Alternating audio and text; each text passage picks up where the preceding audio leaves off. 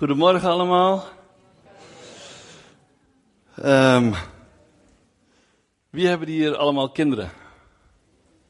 Ja, dat zijn er best veel hier. Zien jullie ook uit naar morgen? morgen is in deze regio officieel de zomervakantie voorbij. En uh, ik heb zelf drie kinderen. Eentje van zeven, vijf en drie. En uh, ik heb uh, ook nog eens een keer heel actieve kinderen. Zijn nog geen tieners, ze doen nog niet aan uitslapen en zo. En, uh, en ze zijn gewoon graag bezig en ze vragen veel aandacht. Dus ik, ben, ik zie er naar uit dat ze ook weer lekker naar school gaan. mijn jongste die gaat dan ook weer een paar ochtenden in de week naar de groep. En Galina, wij en ons, bij ons gezin, we hebben echt afgelopen zomervakantie echt een topvakantie gehad. Ik meen het echt serieus. We hebben genoten van elkaar. We hebben genoten van een vakantie in Oud-Beierland. We mochten voor Nop in het huis van vrienden van ons uh, in die regio. Mooi huis ook nog. Die man is huisarts. En we hebben genoten. Echt heerlijk. Een, een, omgeving trouwens waar we helemaal niet bekend waren. Waar we normaal gesproken ook nooit zouden zijn gekomen. Maar het was erg verrassend. En dat is leuk, hè? Als je naar een vakantie gaat waar je eigenlijk niet zoveel van verwacht. En het is dan in één keer te gek. Dan, dan geniet je extra. Anyway. Um, nou moeten we weer onze ritme als gezin zien terug te vinden. Met alle verplichtingen en het brengen naar school en het ophalen en uh, zwemles, et cetera, et cetera. Vanmorgen, waar ik het uh, over wil hebben, is uh, Laat je batterij niet leeglopen. In het Engels stay connected. Of blijf opladen. En ik heb hier een, uh, een eh, laptop in mijn hand. Een kruising tussen een laptop en een tablet. Um, tegenwoordig, we hebben allemaal mobiele apparaatjes, tablets en uh, telefoons. Noem het maar op. En die hebben allemaal een batterij, een accu. En wanneer je hem niet gaat opladen, na een tijdje, dan doet hij helemaal niks meer. Dan kun je hem niet meer gebruiken. Zo is het belangrijk dat, hè, dat en ik denk de jongeren onder ons die, uh, die heel veel naar die schermpjes kijken. Oh help, de batterij is bijna leeg. Snel, snel, waar is het stopcontact? ja, anders dan oeh, kun je, kun je een tijdje niet op je telefoon. En weet je wat het is? Tegenwoordig vinden we het belangrijker dat die apparaatjes opgeladen zijn, maar vergeten we onze geestelijke batterij. Want weet je dat we ook geestelijk kunnen opladen? We gaan even lezen. Jesaja 40, vers 28 tot en met 31 gaan we lezen. Jesaja 40, vers 28 tot en met 31. Ik lees trouwens vanuit het MBG. Uh, ehm, weet gij het niet? Hebt gij het niet gehoord? Een eeuwig God is de Heer, schepper van de einde der aarde. Hij wordt nog moe, nog mat. Zijn verstand is niet te doorgronden. Hij geeft de moede kracht en de machteloze vermeerdert hij sterkte. Jongelingen worden moede en mat, en zelfs jonge mannen struikelen. Maar wie de Heere verwachten, putten nieuwe kracht. Zij varen op met vleugelen als arenden. Zij lopen, maar worden niet moe. Ze wandelen, maar worden niet mat. Heel bekend Bijbelgedeelte. Ik weet zeker dat de meesten die hier zitten hebben dat vers al meerdere keren gehoord. En weet je, zo was het ook bij mij. Het is een Bijbeltekst waar ik, die ik al vroeg heb leren kennen, die ook regelmatig geciteerd werd. Maar weet je, ik pakte hem niet. Totdat ik in de grondtekst ging kijken. Want ik dacht eerst van ja, moet ik gewoon maar gaan zitten en afwachten. Blijf zitten waar je zit en verroei je niet. Want verwachten, ja, verwachten. Tegenwoordig in het hedendaags Nederlands is uh, verwachten is geen absoluut meer. Hè? Ik verwacht dat, maar dan weet je het niet zeker. Maar weet je, hier is het niet van, nou ja, misschien. Hier is het een zekerheid. En wanneer we dus in. Oeps, herstellen. nee, die heb ik goed opgeladen van tevoren. Um, maar in de grondtekst staat hier namelijk bij het woordje verwachten, daar staat het Hebreeuwse woord kava. En kava, weet je wat dat letterlijk betekent? Samenbinden. Samenbinden. To, in het Engels, to bind together. Het kan ook vertaald worden als verweven zijn, samenbrengen. Is dat niet bijzonder? Dat geeft in één keer een heel andere dimensie aan, aan dat vers. Voor degenen die verbonden zijn met Hem. Degenen die verwoven zijn met Hem. Die, die putten nieuwe kracht. Weet je, en iemand die in verwachting is van een baby. Poeh. Weet je, dat, zijn dat kunnen best wel pittige maanden zijn. Vooral in het eerste trimester en het laatste trimester. Dat is best pittig. Maar je, je weet wat je te wachten staat. Je weet wat je kunt verwachten. Je weet, die baby komt er als alles goed gaat. Amen? En dat is echte verwachting. Je weet, het gaat komen. Je weet, in het verborgene is het al bezig. In het verborgene wordt het al voorbereid. En zo werkt God ook heel vaak in het verborgene. Heel vaak zijn we geestelijk zwanger. En is God al in het verborgene aan het voorbereiden. Net zoals dat hij, wanneer je in verwachting bent, een baby aan het vormen is in jouw buik.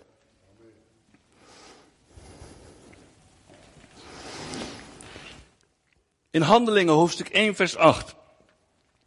Daar staat het volgende. Maar gij zult kracht ontvangen wanneer de Heilige Geest over u komt. En gij zult mijn getuige zijn te Jeruzalem en in geheel Judea en Samaria en tot aan het uiterste der aarde. Weet je wat ik heel belangrijk vind? Ten eerste zit hier een belofte. Hè? Wanneer je de Heilige Geest ontvangt, dan ontvang je kracht. Is niet jouw eigen kracht, je hoeft het niet op, op je eigen kracht te doen, maar je gaat kracht ontvangen. En met die kracht zul jij een getuige zijn. Hier staat niet dat je moet getuigen alleen maar met woorden. Nee, de kracht die de Heilige Geest geeft, die zal jou tot een getuige maken. En een getuige is iemand die het zelf heeft gezien. In een rechtszaak, wanneer daar een getuige komt en die zegt van ja, ik heb gehoord dat. Dat neemt een rechter niet zo serieus. Maar iemand die het met eigen ogen heeft gezien, dat is een echte getuige, toch? En zo mogen wij dan ook, wanneer de Heilige Geest door ons leven gaat werken, wanneer we die kracht gaan ervaren, die levensveranderende kracht, dan zal dat als een getuigenis zijn. Dan zullen mensen tegen jou zeggen van, boah, hoe kan dat nou? Hoe ben jij zo veranderd? En dan kun je getuigen van wat God in jouw leven heeft gedaan. En dat wat, wat Hij in jouw leven heeft gedaan, dat wil Hij ook in het leven van die ander doen. Is dat geen goed getuigenis? En dat wil Hij ook vandaag de dag door ons heen doen. Maar we moeten het niet doen op eigen kracht. Nee. Vraag de Heilige Geest om woning in jou te maken. Nodig de Heilige Geest uit. En ik zeg heel eerlijk, Weet je, wanneer je één keer de Heilige Geest hebt ontvangen, dat is geen garantie dat je elke dag je laat leiden door de Heilige Geest. Elke dag, wanneer je opstaat, elke dag die je begint, mag je de Heilige Geest bewust uitnodigen. Heilige Geest, ik weet, u woont in mij, maar ik heb soms nog de neiging om alles zelf in bestuur te nemen. Wie, wie vindt het makkelijk om het stuur over te dragen aan de Heilige Geest? Ik vind het niet zo makkelijk. Sommige dagen gaat het makkelijker en sommige dagen gaat het moeilijker. Maar we mogen elke dag, mogen we de Heilige Geest uitnodigen. Heilige Geest, ik kan het niet. Van mezelf ben ik zwak, ik heb uw kracht nodig. Ik zal heel eerlijk zeggen, Ik sta hier niet omdat ik zo sterk ben. Ik sta hier niet omdat ik het allemaal goed voor elkaar heb. Van mijzelf ben ik zwak. Van mezelf maak ik fouten. Ook ik ga regelmatig op mijn snuffert. Van mezelf kan ik het niet. En ik zal je heel eerlijk zeggen, niemand kan het uit eigen kracht God volgen. Niemand. Maar weet je, God heeft daarvoor de Heilige Geest gegeven. Hij heeft daarvoor de oplossing gegeven. Hij wil namelijk door de Heilige Geest jou veranderen en jou de kracht geven die jij nodig hebt. In het Grieks, in de Griekse grondtekst, in het Nieuwe Testament is niet alles, maar een groot deel is vanuit het Grieks vertaald. Koinoniaans Grieks. En daar staat bij geest, bij de Heilige Geest, daar staat het woordje pneuma. Mensen al bekend mee, pneuma? Zijn er hier trouwens ook technische mensen in de zaal? Mensen die werken bij een autogarage of zo?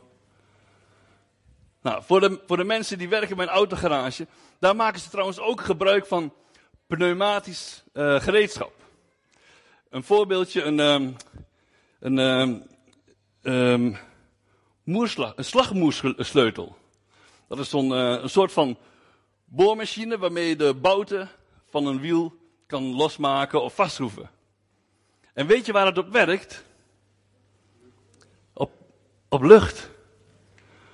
De techniek, dat heet pneumatiek. Het is pneumatisch gereedschap. Het is daarna vernoemd. Zonder de, de, de perslucht is het apparaat op zich waardeloos. Kun je er niks mee. Het doet niks, het kan niks. Het is nergens goed voor.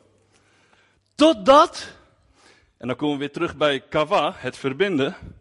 Totdat het verbonden wordt, want die pneumatische gereedschap, die hebben een ventiel. En dat ventiel, dat maak je vast aan zo'n slang. En die slang, die is weer uh, verbonden met een compressor. En die compressor, de druk van de lucht, dat geeft het apparaat de kracht. Nou, het grappige is dat ruach betekent ook lucht, betekent ook wind. Bijzonder, hè? En zo wil God, net zoals dat wij, wij zijn net als het gereedschap. Zonder Gods kracht, zonder de Heilige Geest, zijn we niks, zijn we waardeloos, kunnen we niks. Maar zodra Gods geest door jou heen gaat blazen, zodra hij door jou heen gaat werken, en we laten het ook toe, hè, dan moeten we het ook toelaten. Want we kunnen wel aangesloten zijn, maar als niemand de knop indrukt van oké, blazen maar. Weet je, dan gaat het in werking. En dan ga je getuige zijn van de kracht van God die in jou werkt. En ik zeg niet allemaal dat we, even kijken, een slagmoersleutel moeten zijn. Weet je, want er zijn heel veel soorten gereedschappen die op uh, pneumatiek werken. Ik heb vroeger bij, uh, bij een bedrijf gewerkt, heel vroeger, uh, waar, waar, ze raamkozijnen maakten. Nou, daar werden bijvoorbeeld ook lasnaadjes, die werden mooi weggevreesd. Het waren kunststof raamkozijnen. Kunststoflassen is niet hetzelfde als metaallassen, even voor de duidelijkheid. voordat ik straks word aangevallen. dat klopt niet. Um, maar met zo'n vreesmachine, allerlei apparaten kun je erop aansluiten. En zo is in al die apparaten de wind is hetzelfde. Het werkt op dezelfde kracht. Het is allemaal één geest. Bijzonder hè? Hoe die, diezelfde kracht, diezelfde geest in een ieder van ons heel uniek tot uiting komt. Zo kan God ons precies op de juiste plek in zijn lichaam zetten. Daarom praat Paulus ook over dat wij allemaal een onderdeel, zijn in het lichaam van Christus. Weet je, een hand is geen voet.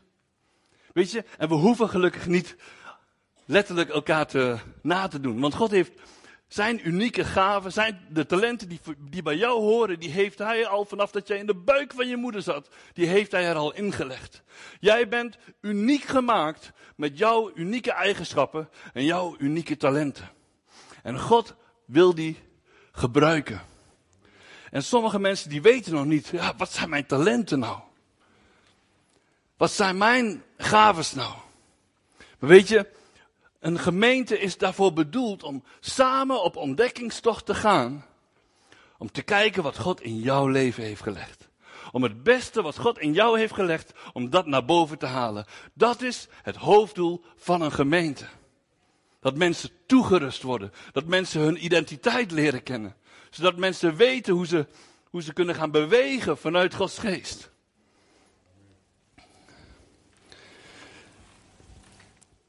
We gaan even naar Efeze. Efeze hoofdstuk 3.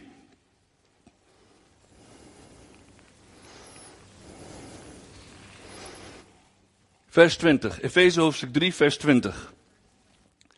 Hem nu, die blijkendste kracht welke in ons werk, werkt, bij machten is oneindig veel meer te doen dan dat we bidden of beseffen. Weet je, dit vers geeft mij hoop. Weet je waarom? Zoals ik het al zei, ik ben van mezelf, van mezelf ben ik niks. Als we kijken naar het universum, ik ben, ik ben nog kleiner dan een stofje. Maar weet je wat het bijzondere is? Dit vers geeft mij hoop dat ondanks mijn eigen zwakte, ondanks mijn tekortkomingen, ondanks dat ik het misschien soms zelf niet weet, God is bij machten om oneindig veel meer te doen dan dat ik bidden of beseffen kan.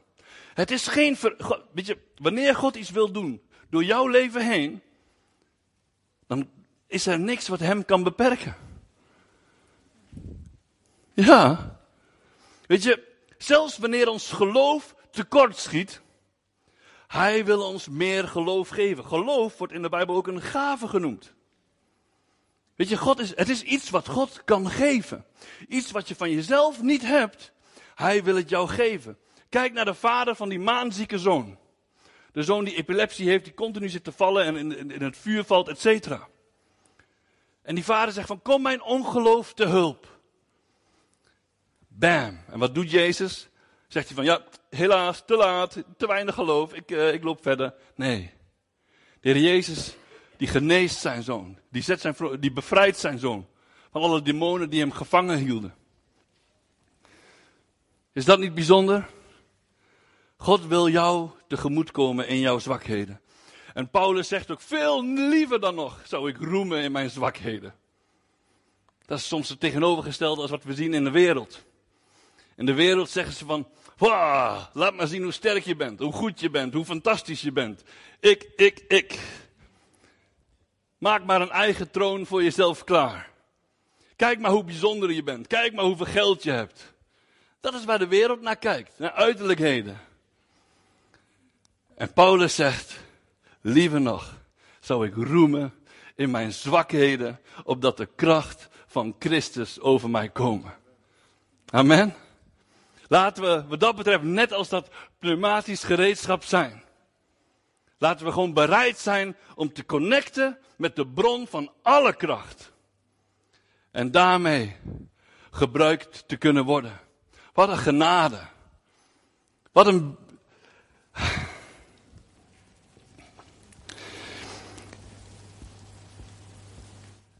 We gaan naar Gelaten. Gelaten hoofdstuk 3.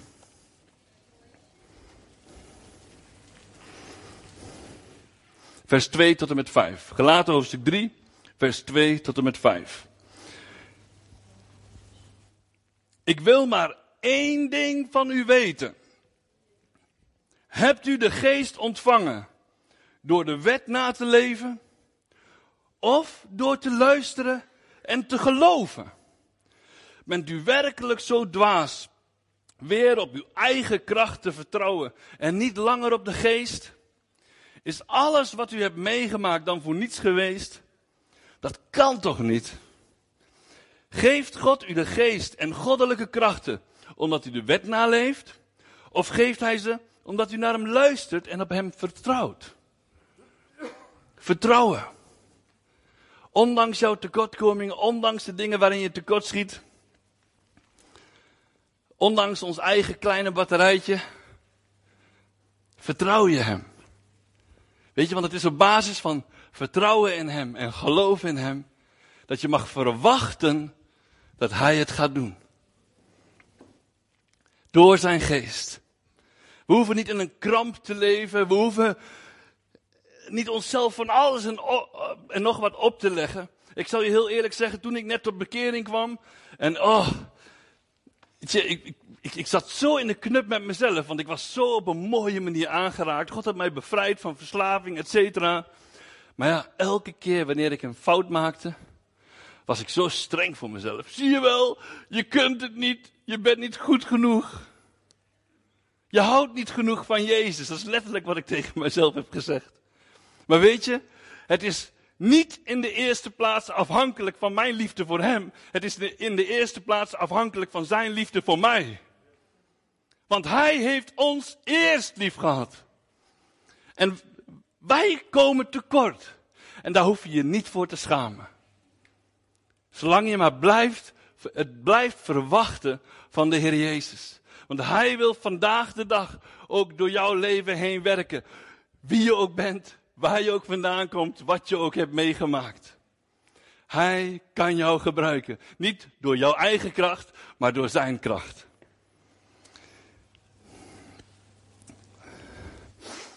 Wanneer we ons overgeven en ons met Hem verbinden door Gods geest, wat betekent dat voor onszelf? We lezen hiervoor even Hebreeën, hoofdstuk 10. Hebreeën hoofdstuk 10, vers 14 tot en met 18.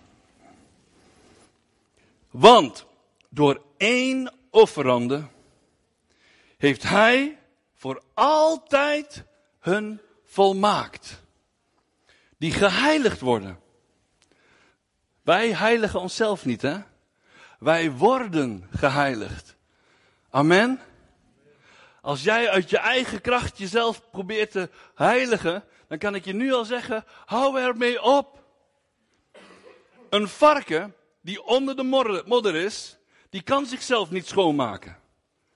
Die heeft iemand anders nodig, die heeft water nodig, die heeft schoonmaakmiddel nodig, een, shampoo of whatever.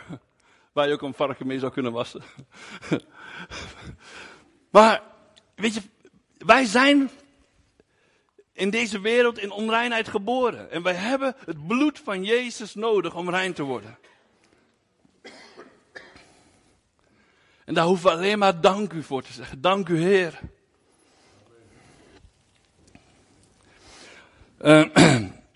Uh, Want door één offerande heeft hij voor altijd hun volmaakt, die geheiligd worden. En ook de Heilige Geest geeft ons daarvan getuigenis. Ook weer, de Heilige Geest, die geeft ons getuigenis. Want nadat hij gezegd had, dit is het verbond. Trouwens, het woord verbond komt af van het woord verbinden. Dus God wil ons met jou en mij verbinden. Net zoals het pneumatisch gereedschap, we moeten verbonden zijn, anders zijn we krachteloos. Um, waarmee ik mij aan hun zal verbinden, zal na die, uh, zal, uh, waarmee ik mij aan hun verbinden zal na die dagen, zegt de Heer. Ik zal mijn wetten in hun harten leggen en die ook in hun verstand schrijven. Dus ook weer, hier is iets wat God bij jou wil doen. Hij wil dat in jou bewerkstelligen. Hij wil in jouw hart schrijven. Hij wil zijn gedachten in jouw gedachten schrijven. Is dat niet bijzonder? Het enige wat we hoeven te zeggen, ja Heer, Heer, wilt u, wilt u het doen? Ik sta ervoor open. Heer, ik kan het niet van mezelf. Ik maak nog zo vaak fouten. Maar Heer, hier ben ik. Verander mij. Schrijf uw wetten in mijn hart. Schrijf uw gedachten, uw beloftes in mijn gedachten. Weet je, wanneer we dat gaan doen, dan stap voor stap, beetje bij beetje, gaat God jou veranderen. Hij gaat een proces met jou aan en hun zonden en ongerechtigheden zal ik niet meer gedenken. Waar dan voor deze dingen vergeving bestaat, is er geen zondoffer meer nodig. En uh, het is vorige week dus ook over gehad. Weet je, wanneer je een fout maakt, dan denk je, oh, ik, ik, ik moet het goed maken uh, met God. Bij sommige mensen is het ook, hè, voor wat, hoort wat. En bij, wanneer de politie jou betrapt heeft, dan moet je een boete betalen wanneer je een verkeersovertreding begaan hebt. Maar weet je, bij God is het niet. De boete is al betaald. De Heer Jezus heeft de straf al gedragen aan het kruis. En dat offer is voor nu en voor altijd meer dan genoeg.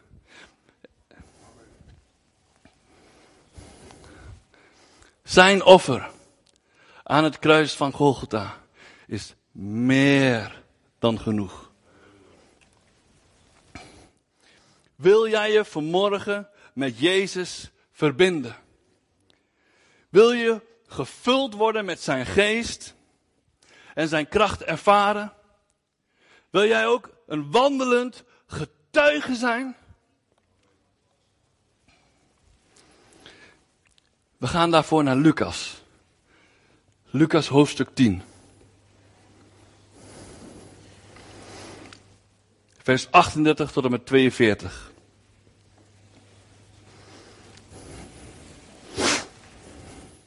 Verhaal over Maria en Martha. Maria en Martha. Terwijl zij op reis waren, de Heer Jezus en de discipelen, kwam hij in een zeker dorp. En een vrouw, Martha geheten, ontving hem in haar huis.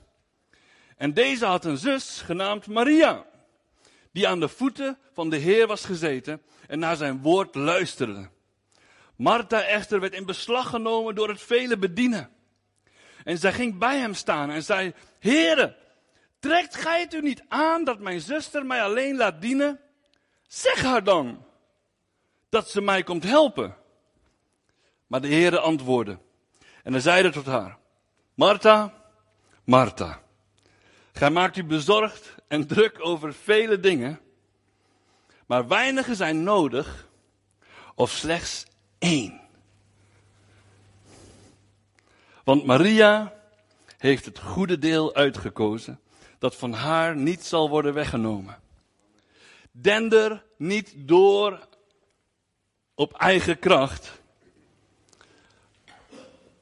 maar vind je kracht aan de voeten van de Heer Jezus. Hij wil jou alles geven wat je nodig hebt. En het woord zegt ook, hè, um, richt u eerst op het koninkrijk Gods en al het andere zal u bovendien geschonken worden. Betekent niet dat alle andere dingen verkeerd zijn. Maar laat het koninkrijk van God jouw eerste prioriteit zijn. Wanneer jij de stilte ingaat, wanneer jij aan de voeten van de Heer Jezus gaat liggen, wanneer je met Hem gaat praten, wanneer je in je binnenkamer stille tijd gaat houden, met Hem gaat praten, met Hem intimiteit hebt.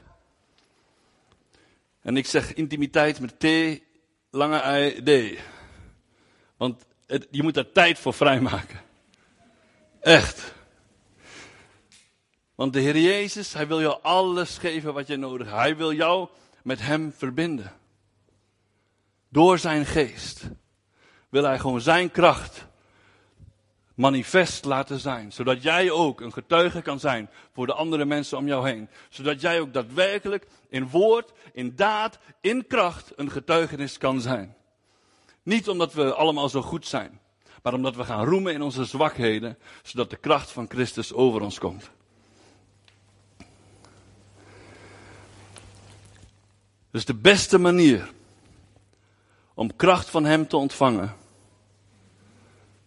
is door tijd vrij te maken. Door je Bijbel te lezen. En door ook stil te zijn. Toen God aan Elia verscheen.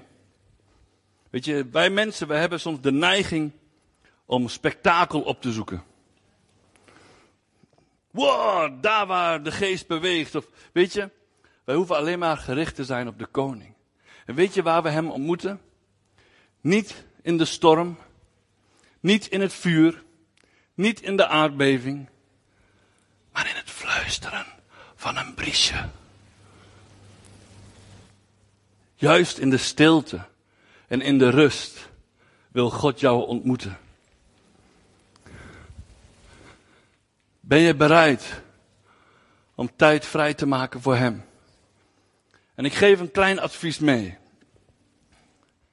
Wanneer je begint met tijd vrijmaken voor Hem. Weet je, het is net als met fitness. Als jij naar de fitnessschool gaat, ten eerste, weet je, om jezelf daartoe te bewegen is al lastig. maar wanneer je daar dan ook eenmaal bent, kijk, dan kun je dus gaan kijken naar de geoefende mensen, die zware gewichten tillen en die de meest bizarre zware oefeningen doen. Maar ja, dan eh, raak je gelijk gedemotiveerd. Wel, dat kan ik niet. Maar wij, zo begin je niet, hè? Je dus geestelijk is dat precies hetzelfde. Begin klein. Al doe jij in het begin maar een paar minuutjes voor God kwijt, eh, vrijmaken. Maar je kiest daarvoor telkens een vast tijdstip. En je gaat het elke dag doen. Dan ga je merken, na een tijdje, die paar minuutjes, wat is, wat is een paar minuutjes? Niet veel, toch? Maar daardoor wordt het wel een gewoonte. En wanneer het eenmaal een gewoonte is geworden, dan wordt het steeds makkelijker. En wanneer het makkelijker wordt, dan kun je het ook steeds langer. Maar leg jezelf dus geen, oh, ik moet minimaal een uur bidden. Of ik moet minimaal twee uur. Of ik moet. Weet je, het gaat niet om moeten. Het gaat om ontmoeten. Mooi hè? Weg met het moeten. Kom maar, ontmoeten. Weet je, want het gaat niet om een plicht. Het gaat erom dat je iemand ontmoet van wie je houdt. Waar je om geeft en waar je naar verlangt. En dan ga je zien dat al begint het met een heel kort momentje. En het wordt een gewoonte. Dan wordt het een goede gewoonte. En als het eenmaal een gewoonte is geworden, dan wordt het steeds makkelijker. En dan ga je zien dat je op het laatst niet meer zonder kunt. Ik kan niet zonder. Nogmaals, van mezelf, ik ben zwak. Maar met hem kunnen we zeggen, wij zijn sterk. Amen. Gods rijke zegen. Ik wens jullie een hele goede week. En bij deze wil ik het overdragen aan leiding van dienst. Of aan de aanbidding.